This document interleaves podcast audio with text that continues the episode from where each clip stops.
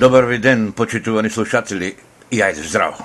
Отидов јас на одмор. Ме изнервира господин Ѓоко, зашто вели, чекај бе стари, се загрстов.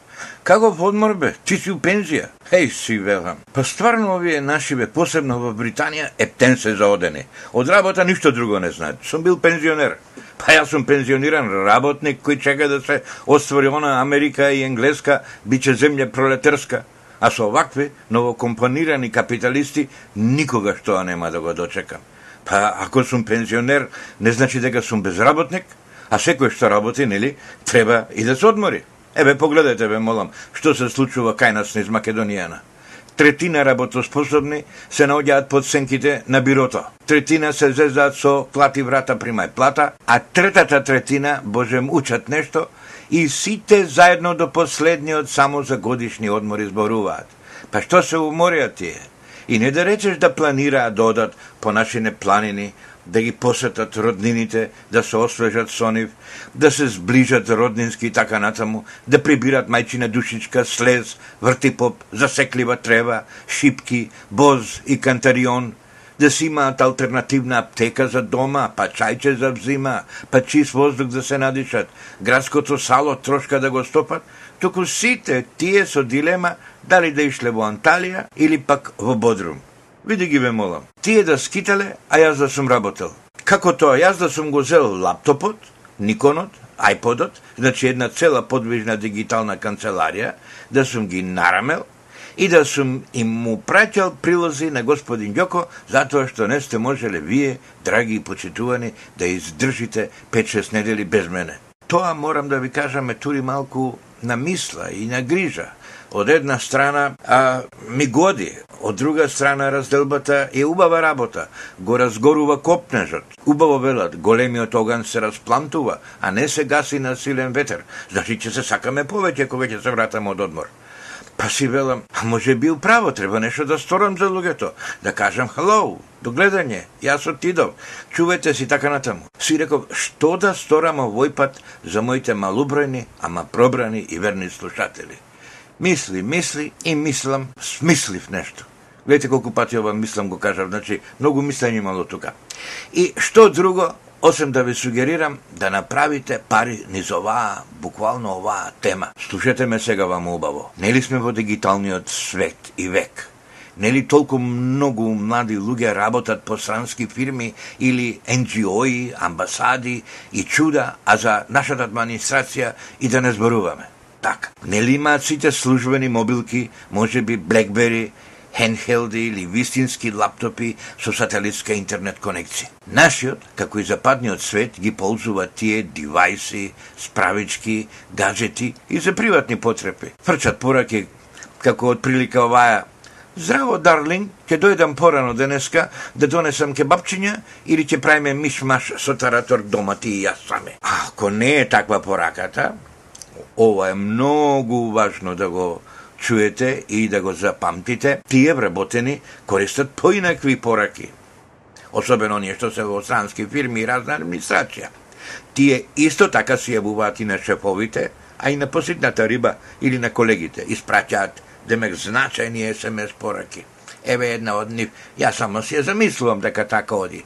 Ги однесов гостите на аеродром, еве минуваат на пасошка контрола, сега е 4.15, дали мислите да се враќам во канцеларија или здраво до гледање за денеска да појдам до дома, ќе биде голема турканице опашки по патот.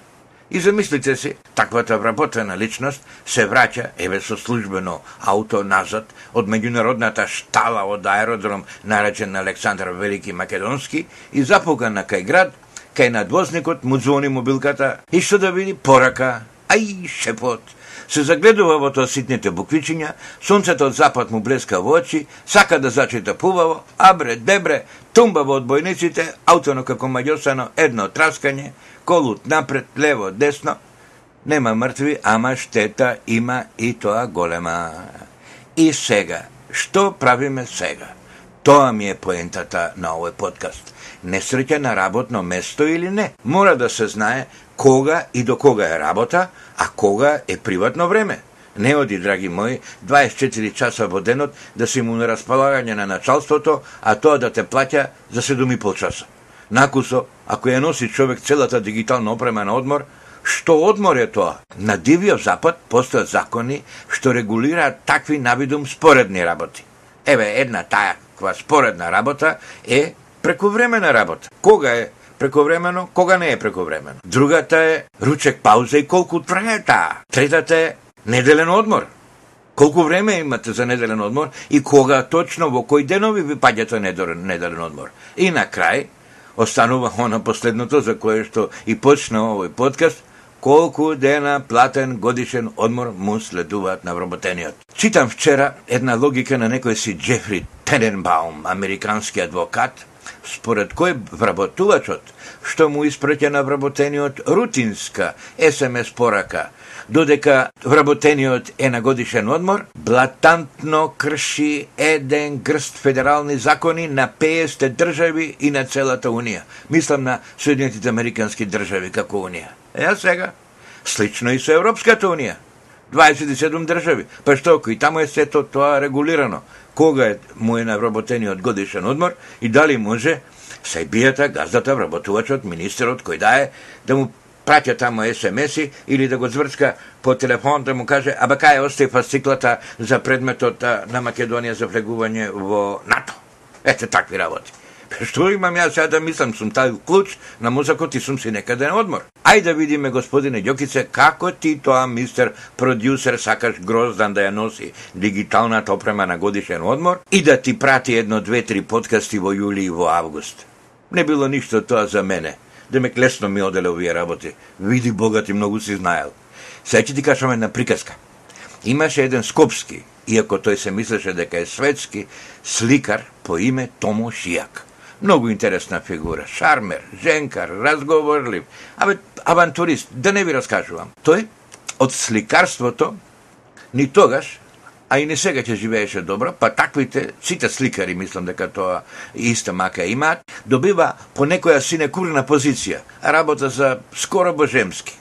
Томаш Јак, вистинско име му беше Томаш Јаковиќ, примаше плата со се социјално, здравствено и пензијско осигурување како илустратор на Нова Македонија. Ќе одберат уредниците значајни текстови што треба да бидат илустрирани од познат уметник и ќе му ги дадат на Томо, па тој ќе ги читне овака лефтерно, диагонално, али пече среда ќе прочита, ја не, ја го терам. томот се да од целиот мој текст. Поентата ми е на крајот, а он вика, бајде глупо се се познава од Сабајле одма, ќе видиш два-три збора, две-три реченици и разбереш што станува збор.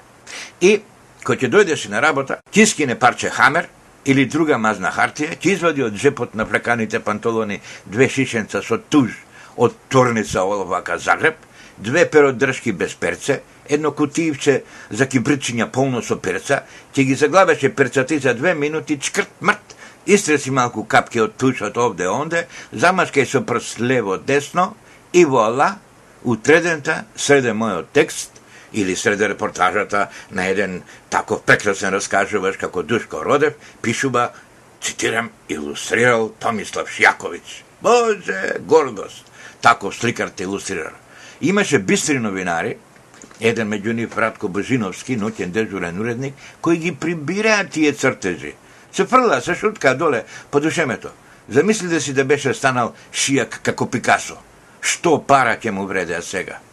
Е, на тој Томо Шијак, еден ден, Страте Арсовски, беше тогаш комерцијално-финансов директор на Нова Македонија, а потоа на Скопски сајм, му приде и се изненади како црта тој на брзина, так, так, так, и божемна шега му вели на Шијак. О, господин Шијак, па за две минути илустрација правите. 18 илустрации во неделата, вкупно 36 минути. А после ти била мала платата, а? Шијак малку подзастана, не му бидна тоа многу мило, се сврти и му рече, Абе, страте, друже директоре, што те боли тебе како ги правам јас илустрации, Може Може навечер пред спиење на колена да го молам Господа да ми остави утредента 17 илустрации, па ја треба ли тебе да ти се правдам за тоа, од кај ми се и што ми се? Ај на ти, еве ти туш, еве ти предршка, еве ти хартија, ај најцртај ти. Направи пауза па додаде.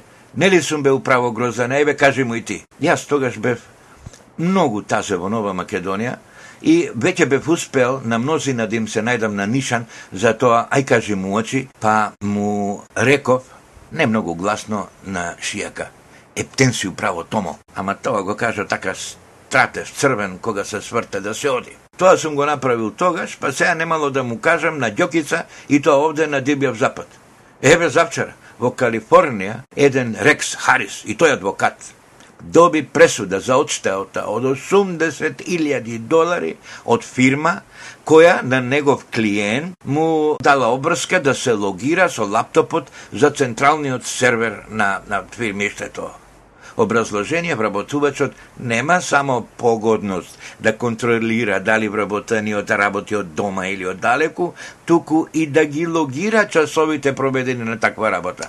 Ајде сега, кој ќе плати прековремено, кој ќе ги плати од штетите и кој ќе ги направи несреќите кои што се случуваат додека некој се брои дека е на работа, а всушност со државното авто стају унутра љубовница или пријател, си се возат не дека ке сакаат.